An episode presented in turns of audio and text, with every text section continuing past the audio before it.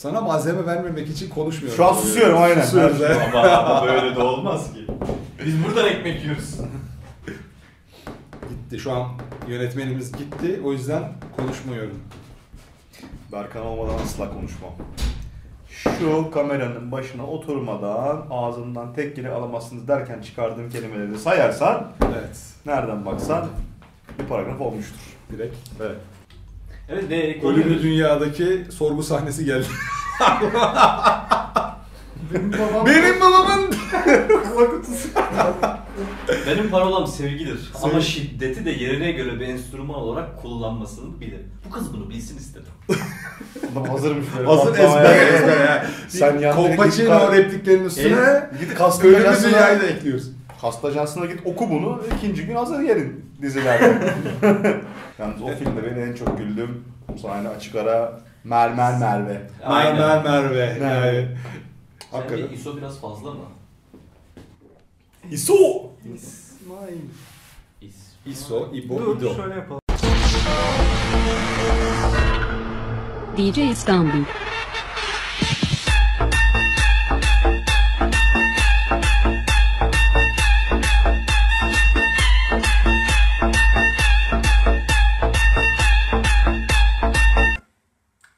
İzlemeler. Bizi böyle moda sokuyor, kendi susuyor ondan Evet, sonra. evet yani. Kamerayı da açıp açmadığı belli değil. Eskiden kameranın sesi dırın eden ederken hani ah açıldı Biz falan diyorduk. onu yapıyor. Dırın ediyor. O Bir odaya girdiğimizde Gene ediyor duymuyorlar. Duymuyor. Çoğu zaman duymuyorlar. Muhabbeti üstüne konuşuyoruz çünkü. Şu an Yani. kapalı mı açık mı bilmiyoruz mesela. Şu an açık, açmış, açmış. Sürpriz. O ifade açık ifadesi. Evet, evet, açmış, açmış. Ee, arkadaşlar bugün hepimizin kanayan yarası olan bir konuya... ne oluyor?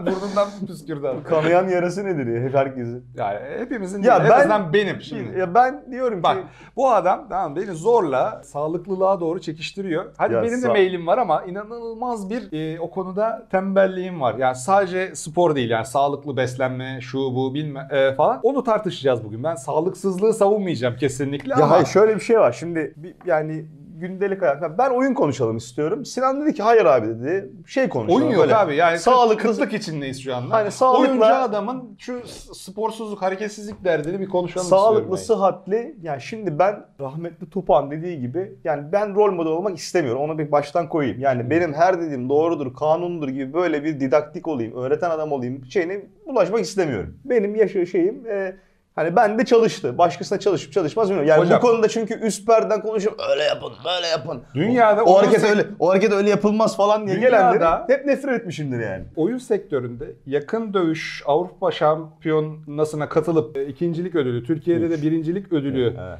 almış başka bir örnek göster Ya de o vardır, zaman vardır canım. Yani konuşalım. bizim ko- cami açtı yurt dışında vardır bilmiyorum. Teşekkür ederim. Ee, ben attım pası sana sen oradan yürü. Tripling Şey- yap, pas at geri ne yaparsın? Şimdi yani es- bizim seti ve oyun gezer günlerimizde ne kadar kilo aldım mı o dönemlerim çok iyi Buralarda biliyorsun. evet o inanılmaz resimler göreceksiniz. 10 sene önce Faruk'un 20 sene yaşlı fotoğrafları var. Evet. e, hani ne oldu da o hale geldim sonra nasıl oldu oradan geri çıktım. Evet. Biraz Ben- kendimizden bahsedelim. Sen Yani geçmiş- şeyi bilirim. Hani şişman, kilolu, obeze yakın şişman olmak nedir yaşadığım için biliyorum. Ee, nasıl bir şey ee, ve oradaki psikolojik süreçler nasıl değişiyor onu biliyorum. Çok erken yaştan beri aslında hep spor yaptım ben. Yani düzenli ya da düzensiz olmak üzere hep oradan da biraz başlamak istiyorum aslında. Yani ben çok lüks bir çocukluk yaşamışım. Şöyle yani ben e, bu şey anlaşılmasın ailem zengindi bir elimiz yağda bir elimiz bal değil. Babam çok efsane iki batı şişe oldu. Hmm. Çok efsane ama yani neredeyse Parazit filmine kadar gidiyorduk yani öyle söyleyeyim sana. Oraları gülüp oraları biliyorum Nasıl yani. bir o zaman lüks Lüks şu. çocukluk? Lüks şu. Yani bugün biz en çok neye para harcıyoruz? İşte organik bir beslenme tarzı e, Tabii, tabii. uygulamak istediğimiz zaman normalin biraz daha fazla e, paramızı, cüzdanımızı açmamız gerekiyor. Şimdi Antalya'da yani çocukluğum itibariyle şey böyle sahil kasabasından çıkmaya başlamıştı ufak ufak yavaş yavaş ama yani dalından meyve yemek, işte misinaya attığın zaman barbun çekmek, güzel taze balık, taze sebze meyve, hava temiz, deniz, hava güzel. Yani şimdi bunları topladığın zaman o zaman da içinde olduğun için ve kıyas şansın olmadığı için bilmiyorsun. Hani büyük şehirde İstanbul'da ya Ne oluyor, Ankara'da ne bitiyor? insanların neler çektiğini, nasıl hayatlar yaşanıyor ama Antalya e, özellikle 80'lerin sonucu 90'ların başı böyle 90 ortasına kadar falan şahane bir yerdi. Tabii benim babamların ve dedemlerin çocukluğunda bunları katlayarak e, tahayyül edebilirsin yani.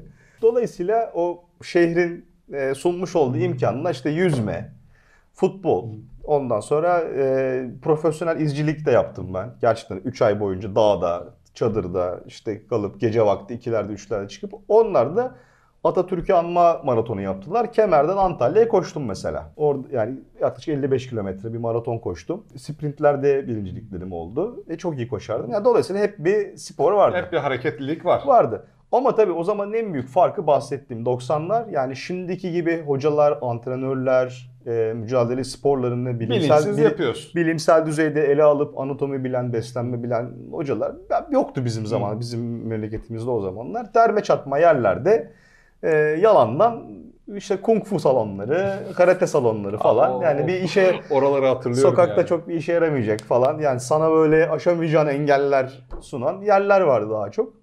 Ee, ben boks yapmak istedim. Ama tabii ki bizimkiler öyle mi olur falan filan gibisinden. Ben gizli gizli e, bizimkilerden habersiz e, belediyenin boks kursuna gidiyordum e, o zamanlar. Ama tabii yani hocamız da desen ki kimdi? Yani böyle bir hani bir en azından bir bilinen birisi. turnuva görmüşlüğü falan yok. Hı. Yani iki lapa tutabilen hoca oluyordu o zamanlarda. Ama yine de işte yapıyordum ben işte. Sonra işte salon sporlarına merak saldım. Ankara'dayken de e, Üniversite zamanı. Aa tabii. a- a- Bunu onu da şey olarak benim detay olarak yani Antalya'dan ben hani ortaokul, e, ilkokul, ortaokul, lise hiç vasıta kullanmadım. Hep yürüyerek gelip gittim. Ankara'da oturduğum yer Eryaman, gittiğim okul dil tarih. Sabahın 5'inde, 5.30'unda kalkıp ilk otobüsle 8.45 dersine yetişmeye çalışıyordum ayakta. O soğuk Ankara dedim ben nereye geldim abi Antalya'dan sonra. Nasıl bir salak tercih olmuş falan ama Ankara'da çok severim o da ayrı mesele. Sonra biraz daha yakına taşındım falan. Neyse o yıllarda da işte e, Antalya'da başlamış olduğum spor hayatını devam ettirmek ettirmeye çalıştım ama yani o şehrin hem büyük olması hem şehri tanımıyor olmam hem de bir e, bu konuyu beraber yapabilecek bir sosyal çevremin olmaması dolayısıyla aralarda kesintiye uğraya uğraya arada yapmaya çalıştım. İşte ağırlık, işte amatör olarak boks. Ondan sonra hani yine de iyi kötü her öğrencinin hayatında olduğu gibi saçmaladığım, kendime kötü baktığım dönemler oldu ama genelde spor Hayatında- yapıyordum. Hayatında hep spor oldu. Ağırlık, işte beslenme Oyunlarla tabii, tabii, tabii ki, tabii ki. Ee, biz Ben bunun tam antitezinden Solid, yürüyeceğim yani. Solid, Sol- Solid Snake'in hastasıyız. Yani en azından bir e, Big Boss klonu kadar olmasa bile bir spor hayatımız, bir mücadeleyle geçen bir tarafı olması lazım diye düşünüyordum o genç yaşımda. Şöyle e, rahmetli Sinan Şamil Sam'ın Mithat Paşa'da Saura diye o e, şeyi vardı. Bir tane gelip gittiği salonu vardı. Orada yapıyorduk antrenmanları. Bir senede yanlış olmuştu. 2001, 2002, 2003 o civarlar 2004 falan. Ee, yine de o şekilde yaşamaya çalışıyordum. Benim bozulmam İstanbul'a taşındıktan sonra oldu. Hiçbir şey yapamamaya başladım ama bu benim tercihimdi. Yani dedim ki Bizim yüz, benim yüzümden oldu. ya. Bakın, yani özellikle tabii seti zamanlarında çok vites attım şey için. Ee, çok çalışıyordum kendi tercihimle. Ee, iş hayatı işin içine girdiği zaman e, o zaman şey yetmemeye başlıyor. Yani vücudunu yüksek metabolizmaya alıştırdıysan iştahın da açıksa zaten zart diye kiloyu alıyorsun. Bir anda sadece işte şınav mekiktir falan yetmemeye başlıyor. İşte o dönemler o kiloyu aldığım zamandır hocam. Buralara ekliyoruz orada. Ekler ekler aynen. Ee, sonrası geri toplaması işte asıl hikaye bence. Yani gençken herkes yapıyor da. Tamam. Sen geri toplamaya gel. Ben de kendi e, çocukluğumu anlatayım. Ee, sonra oradan devam edelim. Tek. Ee, ben de hemen hemen hiç yok düzenli spor. Ama çocukluğumuzda mahallede ben Pendikliyim İstanbul. Ee, ya Ankaralıyım da Köken İstanbul Pendik'te bütün çocukluğum geçti. Yani üniversite zamanına kadar. İt kopuk gibi bilgisayar da olsa hayatımızda mahalle e, maçları ondan sonra koşular bilmem neler işte Boşnak Mahallesi vardı bizim yukarıda onlarla kavgalar falan yani mahalle kültürünü dibine kadar yaşadık ve yani günde 5-6 saat 7 saat 8 saat dışarıda geçiyordu. Yani standart şey vardır ya akşam ezanıyla anne çıkar bağırır Sinan neredesin? Ne güzel zamanlar ya. Ufuktan duyarsın ve Evet. anam çağırıyor Evet. gideyim falan Evet. dersin. Yani O dönemi yaşadık biz. Ama bilgisayar aldıktan sonra özellikle eve işte ortaokul, sonra lise bu zaman azaldı. Benim için azaldı. Arkadaşlarım yine dışarıda e, gezerken tabii şeyler de e, ilgi alanları da top peşinde koşmaktan, kız kaçıran e, patlatmaktan kızların peşinde koşmaya şey yaptı. Ben bilgisayar başındayım aga. Ondan sonra e, o dönem yani ortaokul, lise falan filan bu e, kilo sorun değildi. Ondan sonra arada hani arada da şey oldu işte. Hadi e, karate kursuna gittim bir şeyde ortaokulda. Öğrenseydin- Kuşak atladım. Sarı sarı kuşağı aldım. Ondan sonra e, gitmedim. Niye gitmediğimi de Hocam hatırlamıyorum zaten sarı yani. kuşağı çocuklara mutlu olsun diye veriyorlar. Ha. Bütün karizmayı çizdik. Hayır ama senin boyutlarında bir adam bir de boğuşmayı dövüşü falan bilseydi kabus gibi olurdun ya. Yani, kabus- vücut ağırlığını kullanmayı bilsen bir şeyin Kabus olmak şu boyutun çok şeyi var ya etkisi kabus var. olmaktan ziyade şey yapmak hani vücudunu e, sağlıklı tutmak benim e, şeyim Ya ama şimdi e, sokakta dayak yemedin mi hiç ya? yedim. Ama Yani- böyle hani e, bir kere oldu. Ondan sonra bir daha yemedim. Yani, Yani ben- kimse cesaret edemez. Zaten galiba karateye ondan sonra e, gittim. O boşnaklarla kavga ediyorduk Evet, dedim ya. evet, evet. Şey yapıyorduk böyle hani e, benim babam memur. Ondan sonra annem ev çocuk e, ev kadını. Çok bir şeyimiz yok, gelirimiz yoktu. Harçlığımız belli bir yere kadar bitiyordu. O kullandığımız e, oynamayacağımız kopya oyunlar, işte e, örümcek adamlar, şunlar bunlar sergi açıp satıyorduk şeyde. Çok bir tane boşnak gelip böyle bam güm dalmıştı bizim şeyi e, dağıtmışlardı. E, o açtığımız Evet. sergiyi. Bir orada dayak yedim. Sonra bir daha asla yemedim dayak. Sen kavgadan kaçma yöntemini master level'a ben kaçamıyordum çünkü. Yani Yok kaçmadım zaten orada yedim ben dayağı. yani çok dayak yedim ben.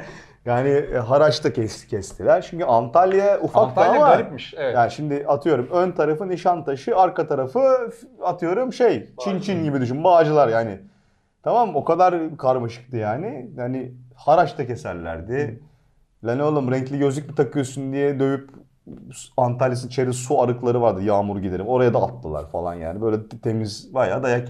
Şimdi bir yerde direnmen lazım. Bir yerde o bir mücadele Yani koyuyor zor, olman lazım. şey yapıyorsun sen Ama de. çok sevdim ben şimdi her türlü mücadele sporunu başladığım andan itibaren ben budur ben doğru yerdeyim ben çok hissettim mesela. O yüzden hani imkanım olmasa bile bir şekilde evin içinde şurada bir devam ettirmeye çalıştım yani ki onun ekmeğini yediğimi düşünüyorum hala bu yaşta. Çünkü e, yani bu tamamen şey meselesi yani bunun hayatının bir parçası yapıp yapmadığına. Şimdi spor olarak yapmakla yani gerçekten spor olarak yapmakla bunu bir işte hayatının önemli bir parçası hatta merkezini tutmak Ona arasında bir fark işte. var. Ben hayatımda e, önemli bir yeri olmadı böyle. Bazen 3 ay spor salonuna gittim. Ben yüzerim yani fırsat bulduğum anda ben yüzerim. E, Öyle bir şeyim var ama her yerde de fırsat bulamıyorsun yani. Hiçbir zaman motive olmadım spora karşı. Ve e, Evet. bu benim DNA'ma işlenmedi. Güzel. Şu noktadan sonra da artık hani yaş ilerlediği için çeşit dönem diyorum dönem diyet yapıyorum. Allah'tan inanılmaz hızlı bir metabolizmam var. Yani Saatte durduğu yerde aslında. 3200 kilo kalori, e, kalori falan yakıyor vücut. Ondan sonra 5000 alırsan kilo alırsın. Tabii yani 5000 6000 al, Alırsa. zaman benim eklemleri falan da sağlam hissedebilmek için şekeri, unu bıraktığım bir program denedim mesela. Ee, ben ne zaman böyle kendimi verip yapsam 10-12 kiloyu pıt diye bir buçuk ayda verebiliyorum. Bu daha önce yani bu kanalda da yaptım. Hakikaten 8,5 kilo falan vermiştim bir ayda ve hiç sıkıntı çıkmadan. Kiloyu tık diye verebiliyorum. Abi sporu entegre edemiyorum. Hadi şu anda pandemi falan var. Biraz riski azaltmak için dışarıya gittiğin yerler arasından spor salonunu veya başka şeyleri çıkartıyorsun ama istek arzu da yok bende mesela spora karşı ve e, hani sen varsın karşımda sürekli nazik bir şekilde bu arada çekiştiriyorsun beni. E, 6 ay falan jujitsu'ya da beraber gittik Evet. e, hatta. Ama cüssemden dolayı ve fazla kilolardan dolayı bazı hareketler e, yapamıyorsun. Bazı hareketler ağır geliyor. Eklem ağrıları da normalden fazla sürüyor. Şimdi benim korkum seninle de hani konuştuğum e, bu kilo artar artar artar bir noktada sağlık problemine dönüştüğünde Duvara çarpma. o sağlık problemini geri çevirmeye bu sefer uğraşacaksın. Allah'tan şu anda öyle bir şey Evet. yok. Ee, ve bunu yaşayan çok insan da vardır. Yani diyet yapar, kilo e, verir. Sonra diyet dediğin şey çünkü başlayıp biten bir şey gibi geliyor insanın hayatında. Ondan çıktığın anda tekrar geri alıyorsun ve bir tık üstüne çıkıyorsun. Sonra bir daha yapıyorsun. Yine biraz veriyorsun. Ama o skala hep tık tık tık tık tık Evet. tık tık tık yukarıya gidiyor. Bunu insanın senin de dediğin gibi hayatının değişmez bir parçası haline getirmesi özellikle e, oyuncularda bu problemin olduğunu düşünüyorum. Çünkü zaten masa başında çalışıyorsan akşam da veya boş vaktinde oturmak üstüne ise oturarak işte kanepede veya e, oyuncu koltuğunda vakit geçiriyorsan harekete ayırabileceğin zamanı oturarak geçiriyorsun demektir. Bu bizim gibi ilerleyen yaşlarda sorun olacak. Hatta e, maalesef genç arkadaşlarda da e, ciddi sorun olmaya başladı. E, senin kadar sporu profesyonelce e, yürütmek değil ama bunu DNA haline getirmek yani hayatın değişmez bir parçası haline getirmek e, nasıl mümkün olabilir bu kadar ilerleyen bir yaşta? Çocukken olmamış bu çünkü. Çok çok yani e, aslında derine gidebilecek bir konu bu. Şimdi hem komik e, anılardan de ciddi şekilde hani bunun nasıl bir füzyon haline geldiğini anlatmaya çalışıyorum. Şimdi ben ilk önce şunu koyayım. Bir bilikçi değilim e, en başta ama e, hakkını vererek yapmaya çalışıyorum yaptığım şeyi. E, yani hobiyi aştı benim için artık. Yani gerçekten bir hayat tarzı haline geldi. E, müsabık, e, müsabakalara oldukça katılmaya çalışıyorum. E, şu anda bağlı bulunduğum işte e, kulübe asistanlık yapıyorum. Zaman zaman dersleri veriyorum. E, birilerini yetiştirmeye çalışıyoruz. E, özellikle genç arkadaşları spora kazandırmaya çalışıyoruz. Tabii burada e, bu konularla ilgili ahkam kesecek kişi ben değilim. E, çünkü önemli akademiler var, önemli hocalar var. E, bu işin okulunu okumuş, diyetisyenlik konusunda bu işin e, okulunu okumuş insanlar var. Ben tabii ki kendi deneyimlerimden sadece yola çıkabilirim. Evet. Yani ne çalıştı, ne çalışmadı, psikoloji nasıl yürüyor. Şimdi şöyle bir gerçek var yani her günde, ben haftanın e, minimum 5 günü, belki 6 günü antrenman yapıyorum. Turnuva varsa çiftte çıkıyor bu antrenmanlar falan. Şimdi bu işin müsabaka boyutu. Ama Ben şöyle bir şey var. yani Şey- sen kendine e, o müsabaka zamanlarında e, da ne kadar yüklendiğini de biliyorum. Yani işin sürdürülebilir olması benim için Tabii. e, önemli. Yani almak istediğim şey o senden. Evet şimdi şöyle bir şey var yani şimdi benim yaptığım spor bir mücadele sporu. Yani bir dövüş sporu e, yapıyorum ben. E, buradan da beni bu spora başlatan çok saygı duyduğum ve çok sevdiğim bir arkadaşım var. E, o da bir oyun stüdyosu sahibi. İsmini de analım Keykan. E, Aynen Keykan. E, Almanya'da e, o da bir mobil oyun, başarı, çok başarılı bir oyun stüdyosu var Nanotribe. E, beni o bana önerdi. Çünkü ben çok kilo almıştım o dönemlerde ve e, sırt ağrıları çekiyordum özellikle. Ve yaşıma daha genç sayılır yani 30'luğumun baş, başlarındayım daha. E, ama yaklaşık 5-5,5 sene e, uzun zaman yaptığım çok efor gerektiren sporlardan uzak kalmışım. E, çok kilo almışım E, ve vücudumda sıkıntılar var. Yani alışık olmadım. Çünkü genelde kendimi hafif, hafif hissetmeye e, alışıkmışım. Onun verdiği bir hissiyat var bana ama bu kaybolmuş ortadan. E, göbeğim var ve bu göbek bana çok ciddi sıkıntılar yaratmaya başlamış. Hani güçlüyüm oturduğum yerde. Fakat nefes nefese kalıyorum. Bir de sigara da vardı galiba. O bir dönem dönemde. sigara içtim. Çünkü şey e, Bende özellikle... de vardı. E, Üniversite sonlardan Hı hı. askerlikten aslında e, eşimle tanışana kadar, eşimle ilk çıktığımız gün bıraktım sigarayı. Aynen. Öyle bir şey var. 7-8 sene falan. Sigara benim için şeydi. e, yani masa başında çalışmanın bir companion'ıydı böyle. Yani yaptığım işleri, proje yönetimini bir ara e, gerçekten sigara yakmadan çalışamıyordum. Yani öyle bir e, zor bir dönemdi benim için. Ben e, bu bundan kurtulmak istedim açıkçası. Yani eski halimi dönmek istedim. Eskisi gibi hissetmek istedim biraz daha ve gerçekten çok zor oldu benim Kendine için. güvenini de yavaş yavaş kaybediyorsun. Böyle Yavaş değil kendimi yani bu konuda kendimi yani nasıl göründüğümle alakalı çok derdim değildi açıkçası. Yani kilolu da olabilirim sıkıntı değil benim için. Ama nasıl hissettiğim yani bir gün hiç unutmuyorum. Kulakları çınlasın bizim Erdenlerle Hmm. bir halı saha maçına gitmiştik mesela. Ee, ben o akşam işte kafamı su tutmak için eğildim ve kalkamadığımı hatırlıyorum. Yani tık bir şey oldu belime ve kaldı böyle ben. Dedim mi olmayacak böyle yani bir şey yapmam lazım. Ama oldu mu orası tek başıma antrenman yapmayı sevmedim ben. Yani gidip Aynen. ee, kaldır indir kaldır tek başına falan yani yani başlarsın bir gazla yani bir, ay sonra falan Aynen aynen. yani her gün aynı şey olacak bana. falan yani şimdi mücadele sporlarının yani işte sosyal bir boyutu olan sporların böyle bir güzelliği var. Yani arkadaşlarını görmeye gidiyorsun. Yani ben yapmıştım bu sporda Çok güzel insanlar tanıdım. Çok iyi hocalar tanıdım. Bana çok şey kattı her şey. Ee, dolayısıyla bu işin sosyal boyutu biraz daha senin orada sürdürmeni sağlıyor. Antrenman yapıyorsun. Sen o gün yayıp da arkadaşın gidiyorsa acaba ne yaptılar bugün Ne falan. öğrendiler de ben kaçırdım. Şimdi yanlış olmasın. Eylül 2014'tü. Gittim. Ondan sonra hiçbir şey anlamıyorum tabii yani hani İlk an şey Aha, ilk mindere an- çıkışın. çıkmadım daha izliyorum dışarıdan nasıl bir şey diye ama hani UFC falan izliyorum yani yere düştükten sonra veya işte ayakta boğuşmaları falan izliyorum fakat yani bir görsel e, olarak bir eğitimli bir gözüm olmadığı için bu konuda teknikleri nasıl giriyorlar nasıl çıkıyorlar falan bilmiyorum ve peki yani nasıl bir şey ki bu yani? Bunu bir insan nasıl etkisiz hale getirebilirsin falan? Böyle çok hani sanki biliyormuşum gibi. Şimdi böyle vuruş vuruştan geldiğim için amatör ol- olsa da e, hani kafada hep görsellik bir karşıdaki mücadele sporunda vurmak darbe üzerine. Yani tutuşla alakalı hani güreş falan izlemişliğim var ama Boks striking yani vuruş e, olan tabii yani bir- kabaca mücadele sporlarını ikiye ayırabilirsin ya vuruyorsun ya da Jiu-jitsu tutuyorsun. tutma üstüne. Ya Brazilian Jiu-Jitsu veya genelde işte grappling, submission grappling tutuşlar üzerine. İkinci derste başladığım zaman e, ben yani çok sokakta dayak yemiş bir insanım. Ben böyle güzel dayak yemiştim. yani kendime de güveniyorum yani. Yani 100 kiloyum oturduğum zaman sumo gibiyim yani. Deviremezler falan değil mi? Devirememek ne demek? Yani 50 kilo adam geldi. İçimden geçiyor benim. Yani böyle bir dayak olamaz yani. Ben çok e, unutulmaz Brezilya Jiu-Jitsu anılarımdan biridir. O Azeri kız Çat diye bir e, dizi ikiye bükmüştü benim. Kız gibi ciyaklamıştı orada. Evet, Sekerek yani- gezdim ama bir hafta sonra. yani Kesinlikle şey- minderin üzerinde işte sen CEO musun? Hatta sen işte kadın mısın, erkek misin? Hiçbir Evet, önemi evet. yok. Yani orada bu işi biliyor musun, bilmiyor musun? noktasında bir ayrım var.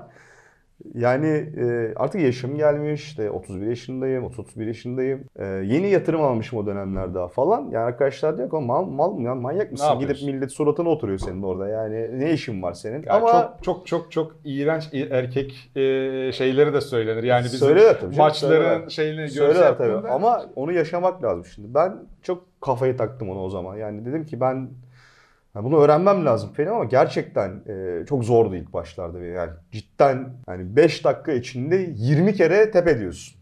Yani ilk başta onu öğreniyorsun. Bir sağdan tep, soldan, tep. Beni bırakın demek. bu. ben e, pes ediyorum demek. Yani e, yalan olmasın genel konseptleri anlamam yani öğrenmek öğrenme süreci falan neredeyse bir seneye yakın sürdü diyebilirim ve yanlış olmasın yani 8. ayda falan aldım ilk derecemi. İkinci derecemi de bir sene sürmüştür yanlış olmasın. Yani bu genelde daha yaparsın. iki ayda alabilirsin. Çat diye de alabilirsin yani. Ondan sonra ben e, bir kere mücadele sporlarında veya hangi sporu yaparsan yap temel kor bölge çok önemli. Ee, alt karın kasları üst baldırlara bağlı olduğu için genelde şu kor bölge dizinle üst karın arası çok önemli. Hareket için, dayanıklılık için, baskı altında daha rahat hareket etmek için falan birçok şey çok önemli ve çok zayıflamıştı benim orası. Yani şöyle bir şey var yani kolların ne kadar büyük olursa olsun, istediğin kadar büyük kol olsun, omuzların süper olsun. Yani bu kadar kolun olsun. Yani dövüş sporlarında çok bir şey ifade etmeyebilir yani. Hatta dezavantaj bile olabilir. İlk önce bu mantıkları, bu konseptleri hani nasıl oluyor, ne yapmam lazım kendime. Yani şu temel kor bölgeyi güçlendirme antrenmanları pestilimizi çıkar. Yani çok zordu. Hele bir de göbeklenmişsen, hele bir de böyle yaşın yavaş yavaş ilerlemeye başlamışsa ama o dönemlerde işin sosyal boyutu, beni antrenmanlara çağırmaları falan filan derken ben zart diye bir 15 kilo verdim. Çok kısa bir süre içinde. Yani ödem gitti vücudumdan. Rahat hareket etmeye başladım. İlk böyle tep e, birilerini ilk defa pes ettirmeye başladım. Ben o ilk tep ettirdiğim zaman ah yaptım falan oluyorsun zaten böyle. Sonra bir turnuva geldi. Yaklaşık e, bir buçuk sene sonra falan. Çok özür dilerim. Tabii, tabii. ufak bir parantez Tabii, tabii. açacağım. Sen Benim- gir ben yoksa bana beni tavsiye edin abi. Ben böyle giderim çıkarım bu işin Ee, sonundan yani. Benim bir takipçim vardı. Ee, şey e, bir kız bir erkek e, şey bu e, kız arka, e, erkek arkadaş beraber e, geldikleri için seminerlerime e, ve takip e, ediyorlardı da beni. E, Brezilya Jiu-Jitsu yapmaya başladığımı öğrenince bana mesaj atmışlardı Instagram'dan. Gerçekten başladın mı Sinan abi demişlerdi ondan sonra. Evet onlar da e, kendi spor salonları var orada çeşitli başka e, dövüş teknikleri e, öğretiyorlar. Ya biz, biz Brezilya Jiu-Jitsu'yu zamanında denedik. Hani bir eğitmen olarak öğrenildiği matematiği ağır geldi demişlerdi. Çok ilginç bir şey bu aslında. Brezilya Jiu-Jitsu'nun matematiğinin ağır gelmesi. Yani insan vücuduyla yapılan bir satranç gibi. Yani buralara belki bununla ilgili örnek bir iki maç görüntüsü falan koyabiliriz. Dışarıdan baktığında inanılmaz sıkıcı geliyor.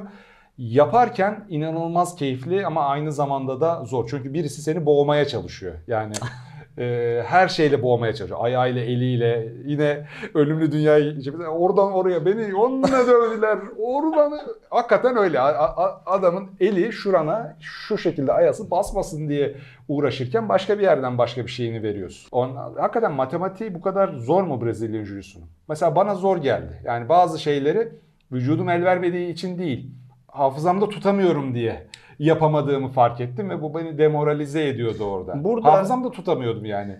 Ee, şöyle bir şey var yani burada şey e, öğrenmeyi öğrenmek diye bir şey söylemiştim. Yani bunu şimdi nasıl öğreneceksin? Yani bakıyorsun hani hoca bir teknik gösteriyor. "Hı, yaparım diyorsun. Tekniği denemeye başlıyorsun, kalıyorsun. Ha nasıldı falan. Ben Şimdi- çok gördüm. Ha, teknikler sonra herkes yandakine bakıyor.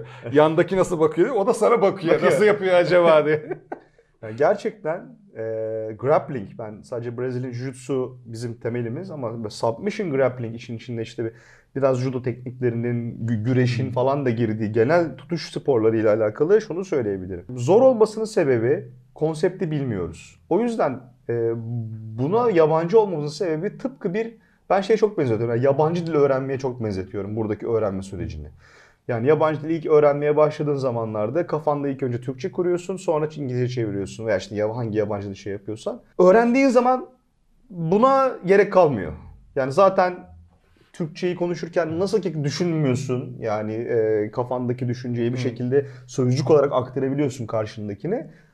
Yabancı dil öğrenirken de böyle. Bu sporda da böyle. Yani en azından benim deneyimim böyle oldu bu tekniği nerede yani şunu şu tekniği mi yapsam bu tekniği yapsam yerine bir yerden sonra işte rakibinin e, açısına göre sana yaklaşımın yaklaşım açısına, mesafesine, kilosuna, işte zayıf yerleri veya güçlü yerlerine göre tepki vermeye başlıyorsun. Kendiliğinden olmaya başlıyor tüm bunlar. Ama bunun süresinin uzun mu kısa mı olacağı senin çok iyi veya çok kötü olduğun anlamına gelmiyor. Çünkü orada yapabileceğin en kötü şey sürekli kendini yargılamak. Yani hoca var orada zaten. Yani hocaya bırakacaksın kendini. O sana bir şey söyleyecek. İyi veya kötü müsün veya şuralarını düzelt diyecek. Sen orada öğrencisin. Yani "Abi yapamıyorum, şu da olmuyor, işte şunu... Böyle bir şey e, kendine yapabileceğin en büyük zulüm orada. E, bu nedenle önce bir öğrenci olduğunu kabul etmek, kimliğini dışarıda bırakmak, mindere selam verip girmek ve kendini hocaya teslim etmek lazım. Çok hoşuma giden şeylerden birisi ben e, dediğim gibi hayatım boyunca kavga bir kere dayak yedim. Bir kere de iki kere de dayak attım. Ondan sonra yani mümkün mertebe kavgaya girmemeye çalışırım. ki abi, O- yani yani tabii ki kavga girmeyeceksin. ortamı varsa uzaklaşıyorum soğusun diye. ak- Akıl başa gelsin Çok diye. çok çok çok haklısın. Ama yani. ego büyük bir zehir. Tamam mı? Ego Öyle. korkunç bir şey. Ee, egolu insanların o minderde egolarının füz diye nasıl söndüğünü e, bizzat şahit e, oldum. Ve herkes ya dayak yiyen insan gülerek çıkar mı bir yerden? Yani gülerek çıkıyorsun çünkü vurmuyorsun ya rakibine. Sen kendin hani buradan artık çıkışım yok diye tep ediyorsun. Herkes gülerek çıkıyor. Yani bitap düşmüş olarak ama gülerek çıkıyor yani Çünkü, minderden. Ee, yani bu sporda hani kaybetmek, kazanmak yok. Ya öğrenirsin ya kazanırsın. Biz e, böyle bir düstur benimsiyoruz bu sporu yaparken. E, yani tepedebilirsin. Yani ben benim altı buçuk senem bitti. E, yani yedinci yılım da olacak. Yani yeni başlayan birisi çok atletikse beni tepettirebilir. Ondan sonra yani o kadar ucu açık ve olasılıklara açık bir spor ki. Yani senden bir kere şey alıyor. Döverim, döverim ben de falan. Onu benden bir kere alıyor. Yani bir kavga veya işte bir mücadele esnasında nasıl bir psikolojin olmalı?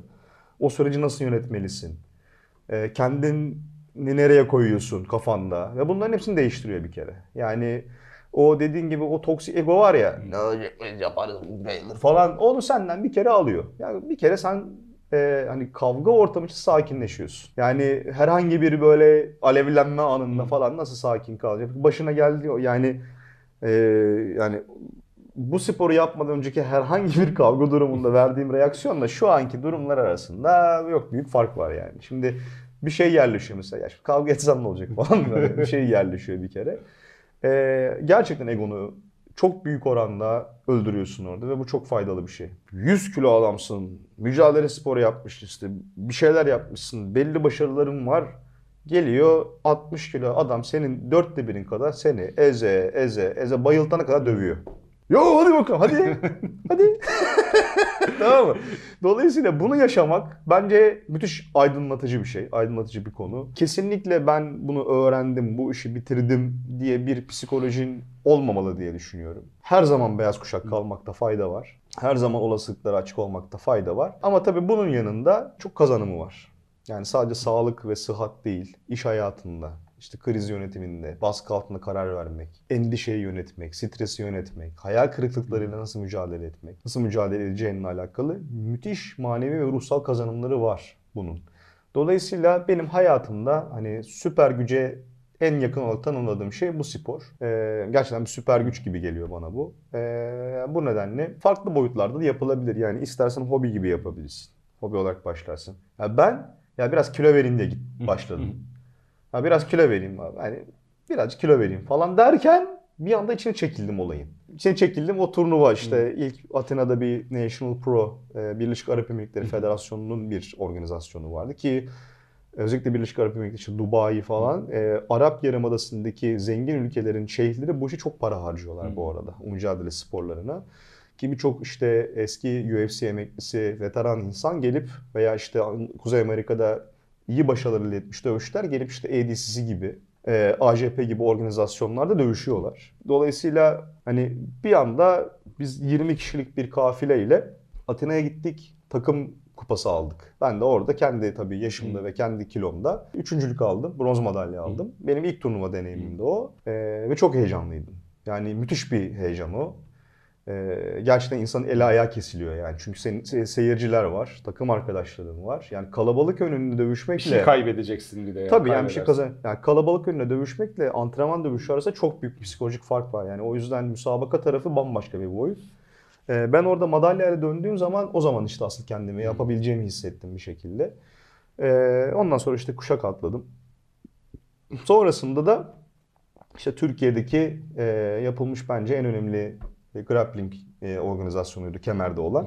Yani o benim vites attığım bir iki, iki buçuk senelik periyottu işte asıl. Kemerde birinci çıktın. Kendi Evet kilonda, kendi evet. kendi kendi kilomda altın madalya aldım. ADCC'ydi bizim O camiada en önemli. koyabiliriz değil mi? Herhangi bir Tabii tabii yok koyarız. Yani en e, önemli organizasyon diyebilirim e, ADCC için. E, tabii daha keşke bu pandemi patlaması daha sık olsaydı. Hani burada en azından e, dünya şampiyonasına da birileri gitseydi falan. E, çok iyi olabilirdi ama umuyorum ki pandemi sonrasında tekrar e, veya işte pandemi hafifleyince tekrar e, olacaktır. Bek, bek, bek. Bek bek bek bek bek hadi. Mont mont. Çok güzel be. Bravo. Tut, tut, tut. Dört. Dört puan. Tut. 30 saniye. 30 saniye. Hadi 30 saniye. Sağ dirsek bas. Orada kal. Orada kal 30 saniye. Orada kal. Bravo. Kal orada. Kal orada. Bacağın olmasına izin verme hocam. Bacağın olmasına izin verme. Bacağın olmasına izin verme. Crossface omuzu bas. 20 saniye sadece. 20 saniye. 15 saniye sadece bari. 15 saniye. Bacağını alta sok. Sok alta. Sok alta alta kapat. Alta kapat bacağını. Omuzunu bas out. Heyecandan 8, öleceğim, heyecandan 7, öleceğim. 6, 5, 4, 3, 2, 1, Bravo. Bravo be. Bravo. Woo! Bravo. İşte bu. Ee, işte o zaman yani işin müsabaka boyutu çok zorlayıcıydı. Yani e, oradan bir örnek verebilirim. ben genelde işte 85 kilo civarlarında takılıyorum. Ama benim kilomda kimse yoktu. Benim kilo e, sikletimde kimse yoktu. Kilo yaş. Değil mi? De? Evet tabii ki. Ben 75'te vardı. 4 kişiden yanlış olmasın. 4 3'e de 4 kişi vardı. Ben kilo düştüm. Ee, çok zordu kilo düşmek. Hayatta hiç yani kilo kesmemiştim bu arada. Yani kilo vermekle kilo kesmek ikilene farklı şeyler. Çok kısa zaman içerisinde yani bir 10 kilo kadar düşmen gerekiyor ve çok zorlandım gerçekten. Her gece saat 3-2'de 3'te kalkıp acaba kilom tutuyor mu falan diye bakıyordum yani. Hani turnuva stresinden çok kiloyu tutturabilecek bir stres, stresi vardı. Hatta işte turnuvadan böyle bir hafta 10 gün önce kadar Antalya'ya gittim. Ee, turnuva Kemer'de olacaktı. Babam hayatta o zaman. Böyle ben her gün ya bak şaka yapmıyorum. Kaydı var bunun. Her gün aşağı yukarı 16 kilometre koşuyordum her gün. Yani Konyaaltı sahiline baştan sona iki defa, üç defa gidip geliyordum yani. Falezlerle Büyük Liman arasını. Ee, hava çok sıcaktı. Ee, Ekim sonlarıydı ama hava çok sıcaktı Antalya'da. Ben kapşonlarla falan koştum. Millet denize giriyordu orada yani. Ve tabii yani bol protein, e, az karbonhidrat, şu karbonhidrat, salata falan. Ben inceliyorum, inceliyorum, ufalıyorum böyle. Babam böyle bakıyordu. "Hadi diye bu adam senin içinden geçer. Senin hiç şansın yok falan yapıyordu bana. Oğlum böyle tavuk gerek dövüşe mi hazırlanılır falan rahmetli. Neyse ondan sonra işte 70 kiloyu verdim. Çok şükür orada da hani üst kuşağımı yendim bir de. Ee, hani bir üst kuşağımı finalde yendim. Mor muydu? Mordu. Iraklı. Evet. e, Ali Adrik abi çok iyi bir dövüşçü bence. E, çok güçlü bir dövüşçü. Tekniği de iyiydi. E, sonradan arkadaş olduk zaten. O madalya anı belki de hani çocuk sahibi olmaktan sonra hayatımın en güzel anıydı diyebilirim yani. Aslında biraz bu videoda e, genel spordan uzak insanları nasıl çekeriz diye şey yapıyor. E, Yani, baktı. evet. ama Hı. ama o kadar güzel anlattın ki ya Türkiye'de hala bilinmeyen bir şey Brezilya Jiu- Jiu-Jitsu tamam mı? Ve inanılmaz keyifli. Yani bizatihi yapmış birisi olarak ben çok istiyorum tekrar e, geri dönmeyi. Biz de ben gel tabii. spor olarak yap- yapmayı e, istiyorum. Tabii. Yani şey değil. Yani. Hobi olarak. yani. Müsabık olarak e, çıkmak değil. Hep aklımın bir kenarında şey var çünkü kolumu kırarsam, kırılırsa hanım ne der? Çok iyi şeyler Ne söylemez. var? Ne yapar bana acaba? He- Hep o var. Senin hanım e, beni, kafada. be- beni bir daha görmek ister mi o zaman bilmiyorum. E, olabiliyor böyle şeyler. Oluyor. Yani bizim sporumuzda sakatlık Çıkık. Yani olabiliyor. Daha yakın zamanda oldu yani. olabiliyor. Ee, o yüzden üst kuşakların yeni gelenleri mutlaka koruması lazım ki şöyle bir laf vardır yani iyi niyetli beyaz kuşaklar kötü niyetli siyah kuşaklardan daha fazla adam sakatlamıştır diye. Orada da işte hani akademinin toksik olmaması, birilerinin senin üzerinde ego tatmini yapmıyor olması çok önemli. Ee, hani bu sporu bir başka bir insana e, üstünde üstünlük kurmak için kullanan biri varsa zaten genelde tutulmaz o karakterler Belki akademilerde. ilgilenen olur. Yani Hı hı. gelen ke- belki değil kesin olur. Hı hı. Ondan sonra e, sizin dojonun ismini vermek Ya ister bu arada misin? tabii ki ama onda, ondan önce e, ülkede çok iyi akademiler var. E, benim bu spora başladığım Korvos var. E, Şişli'de çok büyük güzel bir akademileri var. Gayrettepe'de, Gayrettepe tarafında. Burası var. Last Round var Egemen Hoca'nın. E, Ertan Hoca'nın Balaban Solid Sports kısmı var. Bizim, Ve bizim bağlı takipçi olan Barış Barış Dokur. Sen takipçisin. Barış onların, Dokur'un da var. Onları da Evet. analım burada. Aynen Barış Hoca var. Gökçehan Kırbaç hocamız var bir de. Gökçehan Kırbaç Hoca var. Ee, İstanbul içerisinde ama e, yani bu işin şu anda merkezi İstanbul'da ama Ankara'da da Bursa, Eskişehir falan e, Bursa'da, var. Eskişehir'de, e, Ankara'da benim bildiğim e, Devran Tuzla Hoca var. E, Ege Nard Hoca var. E, Kaan Fazla Hoca var. e, Ankara'da. E, yine pardon İstanbul'da yine e, Akillis Grappling var. Uraz Hoca'nın e, başında olduğu. Bizim bağlı bulunduğumuzda Roger Gracie İstanbul. E, biz Etiler'deyiz. Her zaman da bekleriz denemek isteyenleri. E, dolayısıyla şu anda hemen hemen her lokasyonda aslında iyi akademiler var. Dolayısıyla hani bu işi merak eden insanlar da bu akademilerden birini tercih edip gidebilirler. Her an kol kırılabilir falan gibi bir şey de izlenimde olmasın yok, Yok. öyle bir şey. Yani Hayır, yok şey. olabiliyor ama o kadar seyrek ki yani normal karşılanıyor. Evet. o. İki yer unuttum bu arada onları da söylemiş olayım. Ee, Sarıyer'de Submission Only var. Ee, Hanay kardeşlerin ki çok iyi grapplerlar gerçekten. inanılmazlar yani. Bir de Murat Kazgan hocanın yeri var. Sana çok yakın aslında Libadiye'de. Hmm. Ee, Libadiye'de nerede? Libadiye tarafında. Ee, bir de orayı söylemiş olayım. Tamam. İnşallah unuttum kimse yoktur. Yani dönem dönem e, tabii Evet. ki açılacaktır. Yani bu e, hakikaten ben neden söylüyorum? Ben kilo e, sorunu olan ondan sonra göbekli bir gamer olarak ve dövüş sevmeyen UFC'ye, boksa biraz ya ne kadar barbarlık bu gözüyle bakan birisi olarak inanılmaz keyif aldım Brezilya Jiu-Jitsu'dan. Tekrar işte e, bir ara geri dönmek istiyorum ama geri döndüğümde en son hani ben e, kilo vermek için Wild Fit diye bir program uygulamıştım ve inanılmaz e, işe yaramıştı. Söylemiş olayım buradan ismini de. Benim psikolojik olarak yemekle bir şeyim var, bağım var çünkü yani e, o comfort food denilen şeye tutunmazsam bir şey eksik kalıyordu bende. Onu kırdı bende. Keşke şey olmasaydı. Daha sonra araya başka şeyler girdi Şimdi ama işin- o halimle tekrar mindere dönmek istiyorum. O, o 12 kilo vermiş halimle geri dönmek e, Şimdi istiyorum. işin şöyle bir boyutu var. Yani şimdi ben de çok obur bir adamım abi. Yani bana ver affedersin Whopper'ı ver ben 5 oyun Whopper yerim yani. Tamam mı? Alır yani vücut. Ee, işte kebabını ver, pizzasını ver, yerim. Şimdi o psikolojide şöyle bir şey yaşadım ben kendi adıma. İlk kilo vermeye çalıştığım zaman o 112 geliyordum ya tartıda. Yani siz yani Sen- çok ciddi bir Evet. kilo. Ben e, bizim eski ofisin olduğu Gökselleri sitesinde başladım koşmaya. Yokuş yukarı koşuyordum. Ondan sonra ve 3 tur atıyordum sitenin çevresinde. Aşağı yukarı. Da yanlış olmasın. 12 kilometreye falan denk geliyordu böyle. Bir buçuk iki turda. E, Ben her gün bunu yapıyordum. Kilo vermek için. E, Şimdi mesela- ve aç kalıyordum bu arada. O, o Çok e, ben şu an kilomla koşmaya çalışsam yani eklemleri bırakırım. bırakırsın. Dizleri bırakırım önce, önce, önce kilo verip sonra Tabii. o efor gerektiren şeyleri hatta koşmana gerek yok. Şey yürüsen, tempolu yürüsen yeter.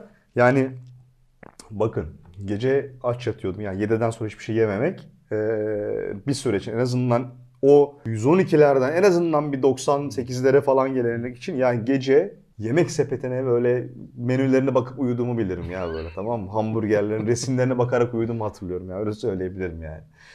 Ee, ama bir süreden sonra o anlık olarak yemeğin verdiği hazla Evet abi. ee, sporla beraber kendini iyi hissetmenin vermiş olduğu haz yer değiştiriyor. Yani bu süreci O lazım abi. o yer değiştirme sürecini atlatırsan ufak ufak bu iş senin için sürdürülebilir olur.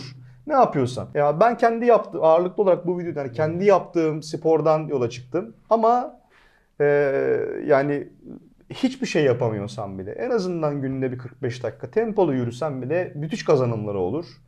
E, metabolizmayı hızlandırırsın, terlersin. Terle terleyip tekrar su almak, o devri daimi vücuda yaşatmak çok önemli bir şey. Bir de çalıştığın veya vücudu zorladığın zaman gerçekten dopamin bombardımanı oluyor vücudun içerisinde. Dedim ya az önce yani mutlu çıkıyorsun o minder. Doğru bir şey yapıyorum ben. Demek ki benim vücudum mücadele için yaratılmış. Yani bir şey taşısın. Fiziksel aktivite e, doğru şekilde yapıldığı zaman mutluluğa giden veya mücadele gücünü arttıran çok önemli bir parametre. Ama bunu tabii ki şöyle bir enteresan durum var. Yani fast food denen kavram yani şimdi vücuduna soktuğun bir şeye çok az vakit ayırıyor olmak çok büyük bir çelişki gibi geliyor uzunca bir zamanda. Yani şimdi çalışıyorsun iş yerinden, evden işe şu bu falan ama yani yemeğe ayırdığın vakit şimdi iyi yemek lazım. Yani düzgün yemek lazım. Tam buğdaylı, yani mesela tam buğday unundan yapılmış makarna veya şeyden karbonhidrat alıp ağırlıklı olarak bakliyat, sebzeni, meyveni düzgün yemek lazım. Peki fast Evet. food'la bu yiyiş ar- e,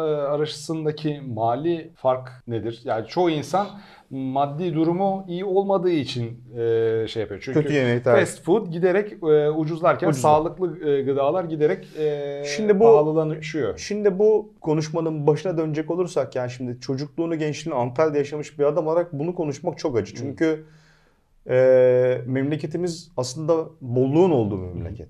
Ama bunun kıymetini bilmeyen gene biziz. Yani çünkü şöyle bir şey var. Şimdi Antalya'da yani Misina'ya attığın zaman yani dört mevsim bir şey çıkardı yani tamam mı? Bilinçli bir balıkçılık da var tabii bunun yanı sıra. E, toprağın da verimli. Narenciye yetişiyor. Seracılık çok gelişmiş. Dört mevsim güzel meyve sebze yiyebiliyorsun. Ee, ama hep şimdi tam boomerlık geliyor hocam. Yani hani o domatesin kokusu, muzun koku, yani muzu yani muzu böyle ko- koyardın odanın ortasına bir tane muzu, oda parfümü gibi her taraf muz kokuyordu. Yani şimdi ben bunu yaşadım yani tamam mı? Yani bana bunu biri anlatmadı. Şimdi buna hani çok ucuza semt pazarlarında çok ucuza çok kaliteli şekilde bunları edinebiliyordun. Şimdi öyle değil. Şimdi öyle değil. organik pazara gidiyorsun. Yaklaşık 2-2,5 katı normalin. Şimdi bu çok büyük bir ayıp yani tamam mı? Yani yani bir ülke Normalinde de yiyemiyor ki yani imkanı var yani. imkanı varken ülkenin hani imkan imkanı var ülkenin yani şöyle bir şey. var. Toprağı verimli, yağmur alıyor, mevsimler yaşanıyor, üç tarafı deniz var. Şimdi sen bu memleket içerisinde iyi iyi malı, iyi kalite malı pahalıya yiyorsan Lan burada çok büyük bir hata var demektir yani. Çok büyük bir hata var demektir. Ne yersen olsun çünkü. Ama sen günde 3 öğününü hangi yağda piştiği belli olmayan, hangi etten kıyıldığı böyle kıymalı yaptığı hamburgerle, kızartmalarla falan geçirirsen e sen 40 yaşından sonra sağlık sektörüne bütün paranı vereceksin demek oluyor bu ilaç sektörüne yani. Yani ya diyabetik mi olursun, damarın mı tıkanır Allah korusun. Şimdi bak ben şey demiyorum yani ben ölümsüzlüğün sırrını buldum. Sonsuza kadar sağlıklı yaşam demiyorum. Ya ben de hak diye gidebilirim nihayetinde. Yani böyle bir şey olabilir. Vücut nihayetinde bu. Ama risklerini yönetebilirsin en azından. Yani riskleri indirebilirsin en azından. Bu da ne demek? Yani dolaşım sisteminin düzgün çalışıyor olması. Ah, Nefes nefese kalmıyor olmak. iki, iki hareket yapınca ondan sonra. Yani ruh halinin bir düşüp bir çıkmıyor olması mesela. Yani çok karbonhidrat ağırlıklı, beyaz un ağırlıklı beslendiğin zaman gerçekten içeride ne yapıyorsa o sana böyle değişken bir ruh haline sahip oluyorsun. Yani ben denedim çünkü bunu. Ya kendimden hani ne oluyor diye yani deneye deneye bir yol buldum kendim için yani.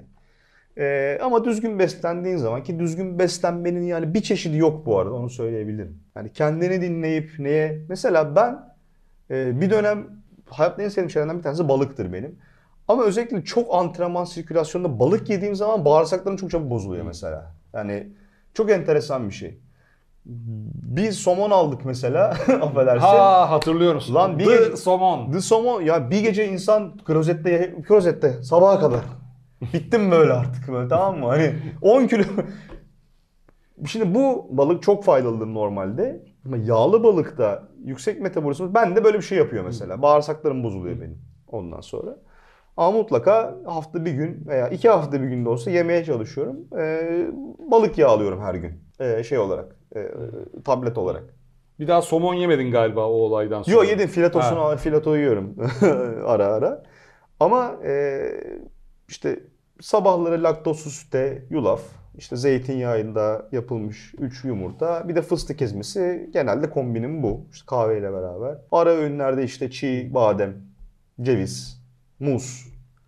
İşte öğle yemeklerinde genelde işte tavuk eti veya işte zeytinyağı yapılmış pirinç lapası tam buğdaylı makarna, kıymalı e, ya da işte yağsız kıymalı. Yine ara öğünler bu şekilde geçiyor kuru yemiş ve meyveyle. Akşamda %90 e, bakliyat işte ya da sebze. İşte brokoli salatası olabilir, işte börülce, kıymalı börülce, e, taze fasulye, e, bezelye ki bunlar protein değeri bakımından etten bence daha ben en azından daha fazla e, faydasını gördüğümü söyleyebilirim birçok açıdan. Böyle bir beslenme şeyim var. Yani bu çok pahalı bir şey değil. Yani bu şekilde beslendiğin zaman ama hani 4 kişilik aile böyle beslensin dediğin zaman ayda büyük bir paranı şeye veriyorsun. Ee, yani biz ya etinin, balığın iyisini yani çocuğumuza yedirelim, sebzenin iyisini yedirelim diye pazar pazar geziyoruz biz veya işte bakıyoruz hani neyi, nerede iyisini bulabiliyoruz diye. Ee, beslenme çok önemli. Onu söyleyebilirim. Yani kendi deneyimlerimden yola çıkarak söyleyebilirim. İyi yemek, düzgün yemek, azar azar çok yemek. Yani bekleyip bekleyip bekleyip aç kalıp bir anda yemek çok zararlı. Onu söyleyebilirim. En azından bende çok kötü etkili. Böyle kalıyorsun ondan sonra. Tabii. Ee, böyle toparlayabilirim beslenme ilgili konuyu. Eyvallah. Yani e, gelecek soruları da ben buradan çok mer- e, merak ediyorum yani. Ya Bu beni konuda bilir- dertli çok Beni, beni bilir kişi gibi oturttun şimdi buraya bak. Ben e, dediğim gibi bilir kişi değilim. Ahkam kesmiş gibi olmayayım sadece. ama yani biliyorsunuz yani bu kanalın doğru bildiği şeyleri anlatmak gibi bir misyonu da var. Her zaman oldu. Yani ismi Sinan Akkol iken kanalın ismi e, tamamen benken de öyleydi. Hala öyle olduğunu inanıyorum. Çünkü e, yanlış o kadar gözümüzün önünde ki, yanlış insanlar o kadar göz önünde ki, o kadar sesleri çok çıkıyor ki.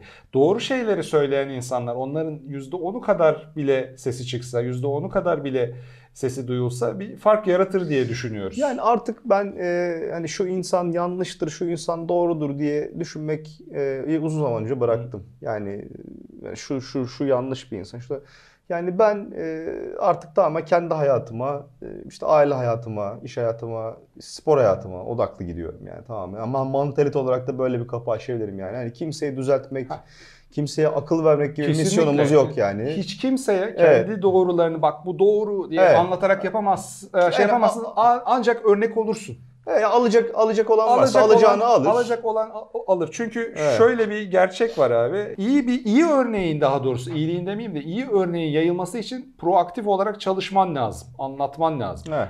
Ama kötü örneğin yayılması için buna gerek yok. Kötü Yok. örnek kendiliğinden yayılır. Bir şey vardır. Kırık cam teorisi diye bir şey vardır. New York'ta e, 1970'lerde çok büyük bir çete problemi varmış. Çetelerde genellikle metro istasyonlarında, trenlerde falan yuvalanıyorlar. Oradan çıkıyorlar.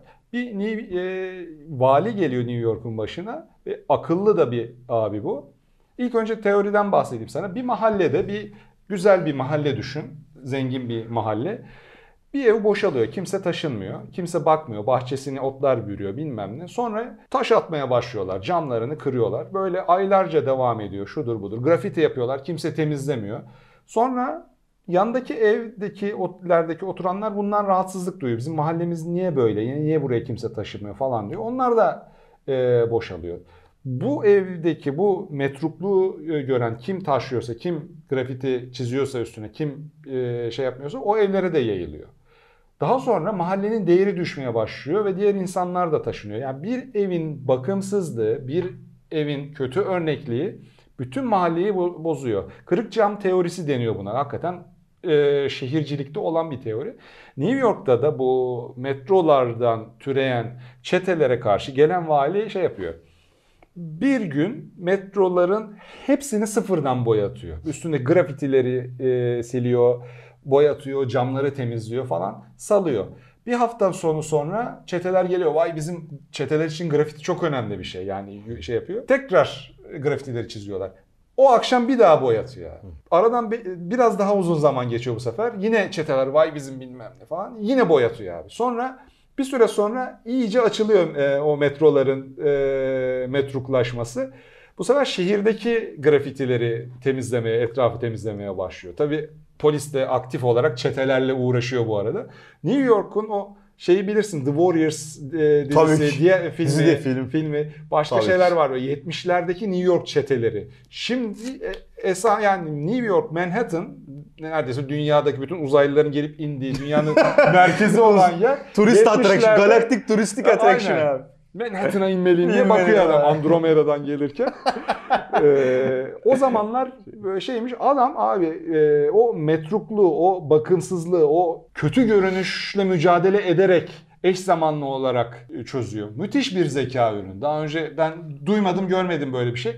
Aynı şey bizim için de geçerli. Hem oyun oynamayarak kendine bakmamayı e, bir alışkanlık edinmiş bizim için hem de Türkiye'de olup yaşayıp ümitsizlik içinde boğulan gençlik için sen kendinle ilgili bazı şeyleri iyiye götürebileceğine inanmazsan ve bu konuda proaktif harekete geçmezsen kötülük senin içine yayılıyor. Yani kötüleşiyorsun bir süre sonra. Kendine karşı kötüleşiyorsun, karşındaki insana karşı kötüleşiyorsun, nemrut bir hal alıyorsun.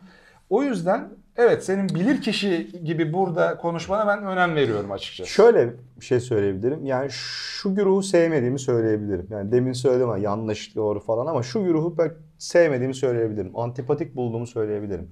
Yapın, yaparsınız. Robot yapın falan. Çok ya hip ya hi- şu an şu an popüler ya. Hani robot yapın lan falan hani. Ha makerlık. Ha, ha, işte motive. Yani şimdi depresyondaki veya hayattaki ümidini kaybetmiş bir insan hadi yaparsın demek kadar bomboş bir şey olamaz yani tamam mı? Şimdi insan zihni çok karmaşık bir yapı. Yani o kadar yani şimdi nelerden ya kendini tanımıyorsun abi ilk başta. Yani çocukluğunda nelere maruz kaldın, neleri bastırdın, neler zaman zaman hangi koşullarda hortluyor, geriye çıkıyor. Yani ailenle ilişkin nasıl, sokaktaki ilişkin nasıl, kendinle ilişkin nasıl, yaşanmamış şeyler. Yani o kadar karmaşık ve nelerden beslendiği, nelerin hortladığı belli olmayan bir yapı ki. Yani günün sonunda gerçekten um- gerçekten ümitsiz. Yani hiçbir şey yapmak istemiyorsan gerçekten bir başkasından, bir uzmandan destek alma noktasına gelmiş olabilirsin. Uzman da çözemiyor bazen. Bazen çözemiyor. Yani farklı farklı gidiyorsun, teşhis alamazsın, bir şey alamazsın. Yani ben çok şükür, yani kendimden yola çıkayım yine. Ya bir hayatta çok fazla iniş çıkış oldu. Yani bir yardıma ihtiyaç duyup duymadığımın teşhisini kendim yapamadım ama kendi kendimi çözdüm diyebilirim. Ee, çok büyük oranda. Ama bunu e, hayatımda oluşmuş bütün konfor alanlarını yıkarak yaptım bunu. Yani çünkü şöyle bir şey oluyor. Konfor alanı çok büyük. Ha e, şöyle bir şey yani şimdi konfor alanı oluşuyor tamam mı? Sen o konfor alanını tutmak için kendinden vermeye başlıyorsun hep. Onu orada kal kalsın diye. Şimdi bu hayatla kurulabilecek yanlış bir ilişki olduğunu düşünüyorum bunu. Yani bir çık bakalım oradan tamam mı? Şimdi çünkü bir şeye e, yani bir şey tutmaya çalışmak hayatta yani bir şeyin değişmemesini sağlamak yani statükoya tutunmak yani her şey aynı kalsın yani böyle gitsin falan. Şimdi bu bu beni mutsuz ettiğini keşfettim bunu Evet. mesela. E, sal bakalım hani bakalım ne olacak yani. Tamam mı? Hani bunu yaparken banka hesabı dolu muydu? Hayır. Ha, Ondan öyle sonra- zannedilecek. Ya Yok. Zaten. Ko- Atıyorsunuz spordu, Hayır. sağlıklı Ya şu- beslenmeydi. Hayır şunu şunu söyleyebilirim. Ee, kendi adıma şunu söyleyebilirim. Ekmeğin taştan çıktığı bir hayatım oldu hep. Belki taştan bile değil yani hani. Ee, sıfırlardan değil eksilerden gelip yapıldı bazı şeyler. Sonra onlar kaybedildi belki baştan yapıldı tekrar. Dolayısıyla yani bir insanın hayatı boyunca gözlemlediği gelir yelpazesinin böyle altlarından sonlarına kadar görüp geri düşüp bir daha oraya doğru yaklaşan böyle bir e, Hmm. hayat deneyimim oldu benim. E, hemen hemen her gelir grubundan da çok samimi arkadaşlarım oldu. Çok ciddi paylaşımlarım oldu. E, yani bu nedenle mutlu olmak için e, veya bir şeyleri başarmak için bize günümüz şunu inandırdı. Evet, evet. Bir tanıdığın, iyi bir yerde tanıdığın varsa 4-0 önde başlayabilirsin. Doğru. Babanın parası varsa rekabeti sen birçok insanı baştan geri bırakıp bir bir sürü insanın olmak isteği olmak isteyip gelemediği yere zaten doğuştan, Doğuştan itibaren gelmiş olarak. gelmiş olarak olabilirsin. Ama oradaki adamın hayatı da kolay değil. Onu da söyleyeyim. Yani çok büyük oranda. Hani özellikle yani babasından bir şey devralıyorsa bunu sürdürmekle alakalı bu insanın da sorumlulukları oluyor. Yani birilerini yargılamadan önce yani zaten onun osu vardı falan filan. Yani hep parametreyi başkasından biçersen hep o kriteri başkası üzerinden koyarsan kendine hem mutsuz olursun hem hareket alanını daraltırsın. Şimdi böyle düşünme şeklini bir kere bırak. Zaten bize bir şey yok. Yani şimdi ben böyle düşünseydim benim de sonum çok hayırlı olmazdı. Yani çünkü yani varlıklı veya işte nüfuzlu bir aileden gelmediğim için bazı noktalarda kendini ispat noktasında çok zorlanıyorsun. Ama mesela o bana daha bir güç ver, güç veriyordu. Yani daha inat. Hadi lan hadi yani eee, dolayısıyla aslında şöyle bir şey de olabiliyor. Yani senin şöyle bir faydan olabiliyor. Üzerindeki baskı daha az. Yani başarabilirsin ve her şeye rağmen başarmış oluyorsun. Yani başaramazsan kendi içinde zaten neleri de yanlış yaptığını ve nelerin eksik olduğunu tespitini yapabilirsin zaten. Dolayısıyla eğer hep mutsuzsan, yani istediğin şekillerde gitmiyorsa bazı şeyler ki benim çok zaman gitmemiştir. Yani çok ciddi paralarım gitmiştir yani. E, yatırımlarım gitmiştir. Dolayısıyla oralarda yani nasıl mücadele ettiğim, bunu içindeki mücadelenin nasıl sürdüğüyle alakalı mutlaka bir kendini kendinle ol. Yani onun da bana bunu yaptı, bu da şunu yaptı lan, bu herif de böyleymiş falan filan diye gittiğin zaman zaten bunun sonu yok yani. Dolayısıyla dön içinde yaşa. Yani ağır bir depresyon sürecinden çıkmanın en iyi yolu gerçekten bir hedefe odaklanmak.